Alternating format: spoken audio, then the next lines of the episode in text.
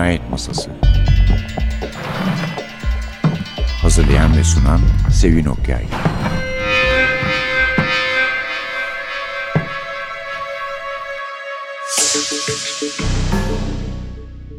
Merhaba, NTV Radyo'nun Cinayet Masası programına hoş geldiniz. Bu hafta size sunacağımız kitabın adı Bir Katilin Güncesi. Yazarı Kim Jung Ha yani Jung'dur inşallah diye umut ediyorum. Korece aslından çeviren, çevirenler daha doğrusu Özlem Gökçe ve Açelya Yavuz Timaş'ın kitabı. Ben daha önce bu kitabı aslında yapacaktım fakat bu salgın her şeyin düzenini ve disiplini bozdu gibi benim programların da hazırlanmasında ve sunulmasında zorluklar gösteriyor zaman zaman. Öyle bir şey oldu geciktik ama bir baktım ki kitap yeniden basılmış. O zaman bu yeniden baskı şerefine bir katilin güncesiyle karşınızdayız. Katil kiralık katil. Seri katil değil yani çünkü aralarında fark var. Hani bir karıştırma olmasın diye söylüyorum. Çok başarılı bir kiralık katilmiş. Ama ondan sonra kendi emekliye harcamış anlaşıldığı kadarıyla. Çünkü diyor ki kitabın başında 25 yıl var ki kimseyi öldürmedim. Yoksa 26 mıydı diyor. Aslında hatırlamakta da zorluk çekiyor. Çünkü Alzheimer bastırmış yavaş yavaş. Unutuyor, her şeyi unutuyor. Son zamanlarda onu rahatsız eden birisi var. Mahallesinde bir seri katil olduğunu düşünüyor. Bu seri katilin de kızına hayran olan birisi olduğuna aşağı yukarı emin. Onu öldürmeye kararlı. Fakat şimdi Alzheimer olunca iş zorlaşıyor tabii. Bir defa unutuyor. Adamı görüyor. Adamın yüzünü unutuyor bir daha gördüğü zaman. Onu başka birisi zannediyor. Aslında tamamen yanılıyor da olabilir. Olmuyor da olabilir. Çünkü hani finale dokunacak şeyler söylemek istemiyorum ama sonunda sürprizler olduğunu söyleyebilirim en azından. Kızıyla birlikte oturuyor. Kızına bir düşkünlüğü ve sevgisi var. Ama mesela şöyle bir şey de olabiliyor. Bir sabah kalkıyor bir bakıyor kızının boynu mosmor. Diyor ki Eynhui ne oldu diyor boynuna. Sen yaptın baba diyor. Ve bir türlü inandıramıyor. Ben yaptım. Ben nasıl yaparım diyor. Oturuyor, düşünüyor, düşünüyor. Bir türlü hatırlayamıyor böyle bir şey yaptığını ama unuttuğunu da bildiği için her şeyi yani kağıtlara yazdığını, o kağıtları karıştığını. Alzheimer'le en ufak ilgisi olan yani aile büyükleri, ailedekiler, dostlar, arkadaşlara hatırlayacaklar, bilecekler bunları. Aşina gelecek, kağıtlara yazıyorsun. Sonra o kağıtları sırasını kaybediyorsun. Gene her şey birbirine giriyor. Çok yakınlarda Dijitürk'te bir film vardı. Missing Elizabeth diye ki onun kitabı da vardır. Önce kitabını okumuştuk. Sonra filmini gördük. Glenda Jackson oynuyordu başrolünde 80 yaşında Alzheimer'li bir kadını. Onun için bilmiyorsak ve unuttuksa da biz de Alzheimer olmamakla birlikte oradan bir kere daha hatırlamıştık ne gibi zorlukları olduğunu.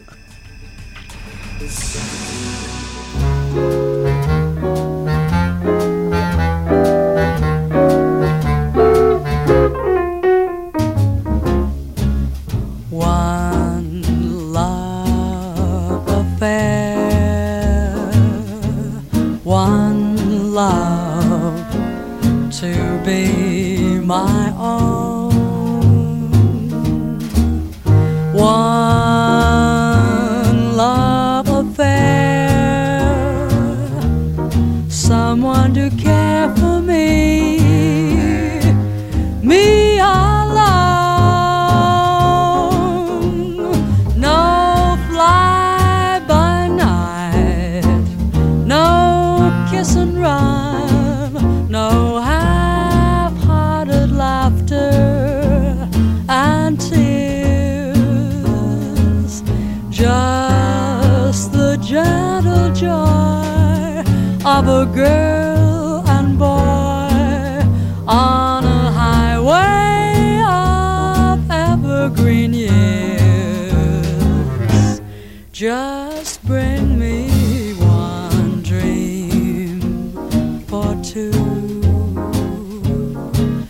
one ship just off the shore.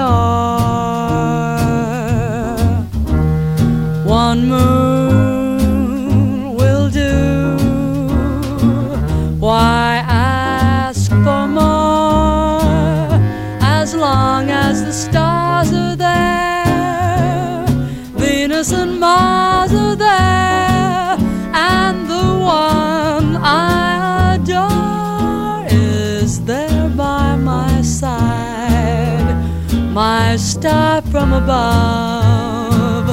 To share one magic and wondrous lifetime affair of love.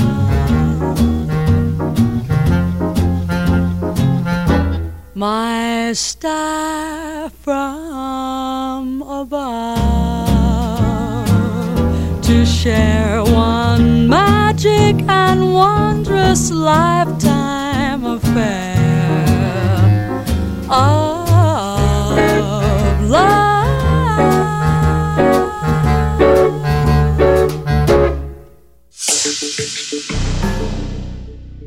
Evet efendim kitabımızın adı Bir Katilin Güncesi. Yazarı da Güney Koreli Kim Jung Ha. Kitaptaki kahramanımız yani kiralık katilimiz de Kim Byung-su. 80. yaşına girmek üzere ama Alzheimer aynı zamanda. Beyni sanki parçalara ayrılmış gibi böyle dolaşıyorlar birbirlerine çarpıyorlar. Onun için her şeyi yazıyor aklına gelen her şeyi kaybolup gitmeden önce gözlemler, fikirler, tesadüfi karşılaşmalar, fiziksel ayrıntılar, hatıralar, şiir bunların hepsini hatırladığı bulduğu kadarıyla yazıyor ve bunları bir araya getirebildiği bir zamanda da tamam diyor bizim mahallede serbest dolaşan bir tane seri katil var ve bir sonraki kurban da Eunhui olabilir. Bu akıl yürütme onun şahsi tecrübelerine dayalı. Daha önce de söylediğimiz gibi kendisi de meslek olarak kiralık katilliği seçmiş birisi ve 30 yıl süreyle kanundan kaçmayı başarmış. Ondan sonra da dediğimiz gibi bırakmış. Belki de bir araba kazası sonunda bırakmak zorunda kaldı. Ondan da emin değiliz. O da bilmiyor, biz de bilmiyoruz tam olarak. Hem endişe hem de bir kafkaesk mizah birbirine karışmış. Kim Jung-Han'ın kitabında. Aslında bu bir novella ile uzun hikaye arasında bir şey. Mesela hikaye kitaplarına dahil ettiği oluyor bunu. 2017 yılında da bir film yapılmış bu kitaptan uyarlanmış. Memoir of a Murderer diye senaristlerden bir tanesi de yazarı. Kim Jong-ha 1968 ile Güney Kore'de Hwacheon'da doğmuş. Yonsei Üniversitesi'nde okumuş lisansını ve doktorasını yapmış. Korea Ulusal Sanat Üniversitesi'nde tiyatro öğretmeni. Radyoda edebiyat programı yapıyor. Ve çok ödüllü bir yazar hakikaten. Çok ilginç hikayeleri ve romanları var ve ülkesinde çok ödüllenmiş. Mesela bunların bir tane başkasından da söz edelim biraz isterseniz. Kendimi mahvetme, yok etme hakkım var şeklinde çevrilecek ve Kore dilinde okumaktan aslında dehşete kapıldığım ama mecburen okudum. Nanen Nareul Pagyohal Veolliga Itta da var. This is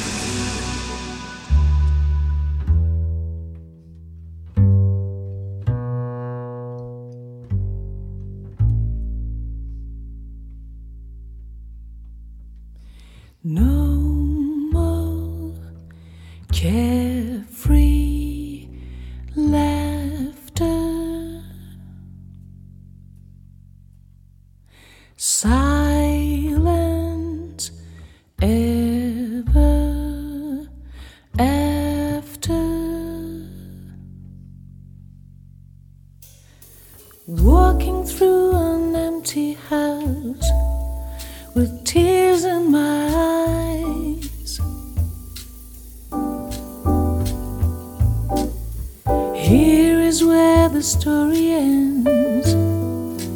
This is goodbye.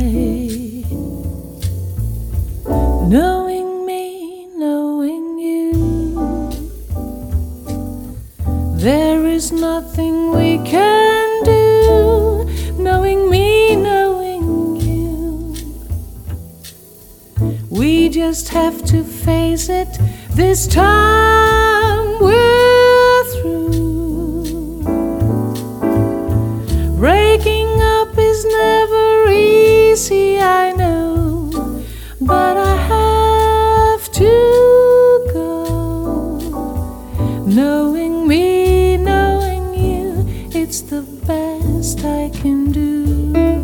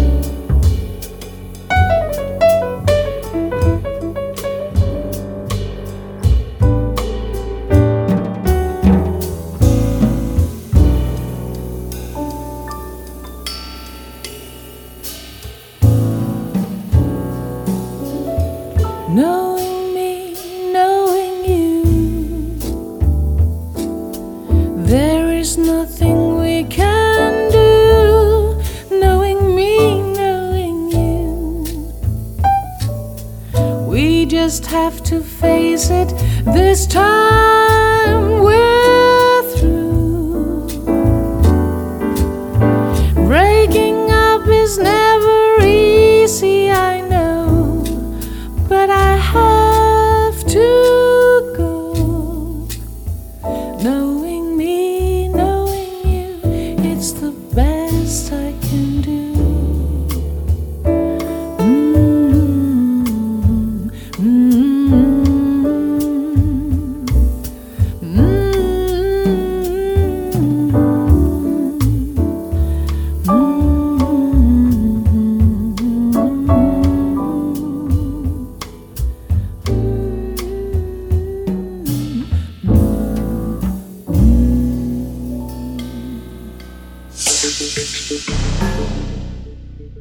Güçlükle adını okuduğumuz hikaye aslında çok daha kolay söylenebilir. Yani kendimi yok etme hakkım var diye söylesek daha kolay olacak tabii.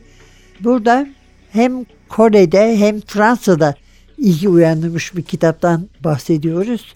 Genç bir adam bir intihar hattında çalışıyor. Görevi arayanlara yardım etmek. Ya bir müddet de yapıyor bunu fakat sonra onlara nasıl intihar edebileceklerini anlatmaya başlıyor. Ve bir kısmı da öyle intihar ediyor gerçekten. Sonra kahraman bunların hikayelerini yazıyor ve başka bir isimle bunları yayınlıyor. Yani çok ilginç bir konu ve kitap bence. Ama yani birkaç tane daha var ama bir tane daha var çok dikkatimi çeken. O da The Black Flower, siyah çiçek. En önemli işi olduğu söyleniyor.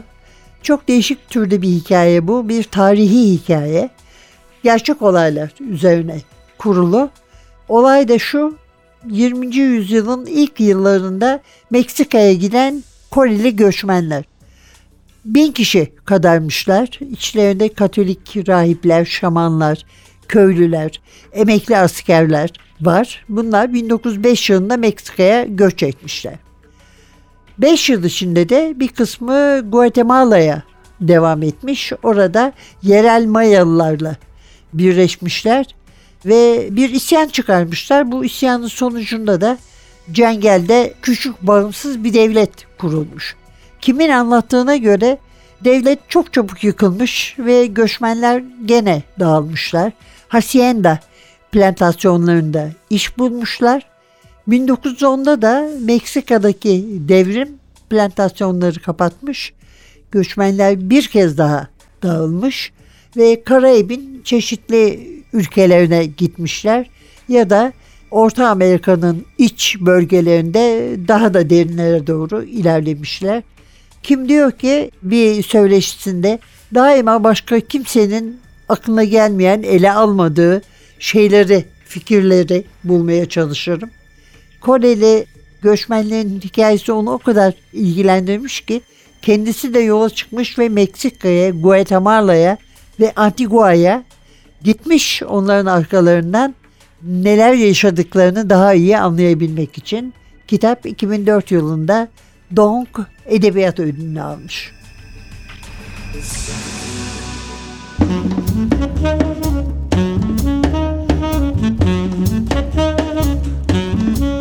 While tearing off a game of golf, I may make a play for the caddy.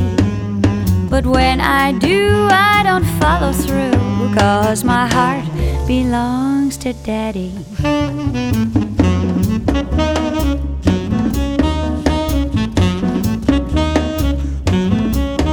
If I invite a boy one night on my fine Finn and Hattie, I just adore his asking for more, but my heart belongs to daddy. Yes, my heart belongs to daddy, so I simply couldn't be bad. Yes, my heart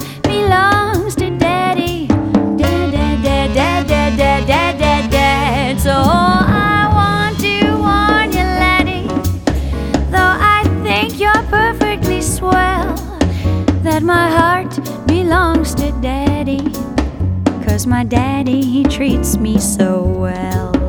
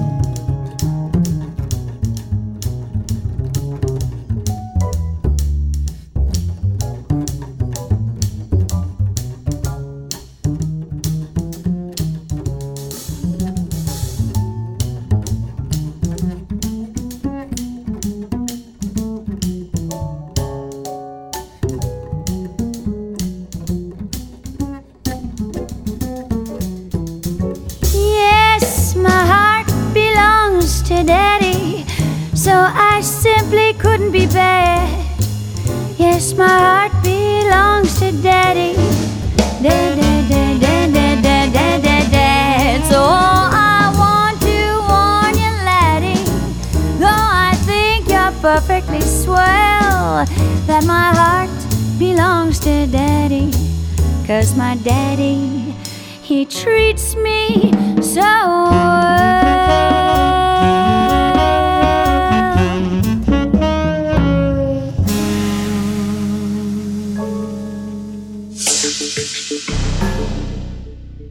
Evet efendim son bölümümüzde kitap ve yazardan zaten bahsetmiş olduğumuz için bu mesleğin çok tanınmış yıldız icracılarından söz edelim dedik. Bir güzel liste var elimizde Ee, ve listenin başında demiş ki bunların içinde iyi kiralık katiller olabilir ama çok iyi olmadıkları kesin. Çünkü olsalar yakalanmazlardı ve bu listede de yer almazlardı demiş. Bunu da aklınıza bulundurmanızı rica ediyoruz. İlk katilimiz Charles Harrison, Natural Born Killer. Resmini görseniz çok aşina gelecek bu yüz size. Ben bu adamı nereden tanıyorum ya diyeceksiniz. Adamı tanımıyorsunuz ama adam aktör Woody Harrelson'ın babası. Onun için ve çok benziyor oğlu ona. Onun için tanıdığınızı sanıyorsunuz. Zaten Oliver Stone da Woody Harrelson'ı bir filmde oynamaya ikna etmek için babasının da bu işte dahli olduğunu söylemiş. Artık doğru muydu değil miydi bilmiyoruz. Ama Woody Harrelson'ı ikna ettiği kesin. Ansiklopedi satıcısıymış. Başarı kazanamayınca profesyonel kumarbaz olmuş. Gelirini desteklemek için de arada bir kiralık katillik yapıyormuş. Yani bundan sonra Richard Kuklinski var. Buz adam. Iceman, The Iceman. Ölüm saatlerini saklamak için, yanıltabilmek için polisi kurbanlarını dondururmuş metodik bir şekilde. Amerika'nın en çok insan öldüren kiralık katili olabilir diyorlar. Dört cinayetten gerçi mahkum olmuş ama 100 ila 250 arasında adam öldürdüm diyor. 30 yıllık kiralık katil meslek hayatında. Ve ona inanmamak için de bir neden yok demişler yazıda. Çünkü meşhur Gambino suç ailesinin daima başvurduğu kiralık katilmiş. Onun için diyelim ki diyor 250 kişi öldürdü. Ortalama 8 haftada bir kişiye der ki bu da olmayacak bir şey değil diyor yani. Sonra Ajan 47 Makedonyalı Sasha ya da süper katil diye bilinen Alexander Solonik var ki aslında Rus. Rus ordusunda askermiş ve çok iyi dövüşüyor. Yakın dövüş sanatlarını çok iyi biliyor. Şiddete de biraz düşkün. Rusların mafya diyelim patronlarını öldürmek. Esas işi bu. The Goodfellow denen Giuseppe Greco var ya da sadece Greco. Sadece kiralık katil değil, tarihte ve kurmacadaki bütün mafya askerlerinin bir örneği. Sicilya mafyasının üst derecede bir üyesi ve Greco klanının da aynı zamanda üyesi. Kendisi 58 cinayetten hüküm giymiş Sicilya'da. Bunlar da sadece bulunan cesetler. Dikkat çekiyoruz. Daha da fazla sizi üzmek istemeyiz ama dişçi denen Jenon Engelman, Benjamin Bugsy Siegel ve Vincent Maddox Collins isimlerini hiç değilse hatırlatalım da belki de aklınıza kalır bir yerde bir kitapta bir filmde aşina çıkarsınız. Evet efendim bugün katil günümüzdü. Kiralık katil. Bir katilin güncesiydi kitabımız. Kim Jung Ha. Timaş'tan çıktı. Yeni baskı yaptı. Aslında bunun bir de kardeş kitabı var. Onu da belki haftaya yaparız. Orada da birisini öldürmesi gerekiyor. Bu da kiralık katil. Çünkü parasını almış peşin olarak. Ama öldüremiyor bir türlü. Öldürecek hali yok. Ya unutuyor ya çeşitli sorunları var yaşlılıktan doğa. Onu da belki haftaya tanırız. Belki de araya başka bir şey koyarız. Kendi rahat bir nefes alın diye. Bugünlük bu kadar. Tabii size böyle tanışlarınız olmasını dilemiyoruz yani.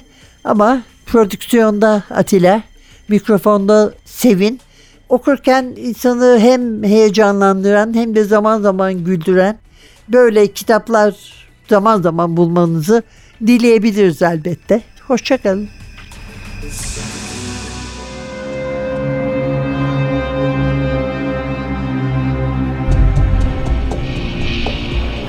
Cinayet Masası Hazırlayan ve sunan Sevin Okyay Cinayet Masası sona erdi. Programın tüm bölümlerini ntvradio.com.tr adresindeki podcast sayfamızdan dinleyebilirsiniz.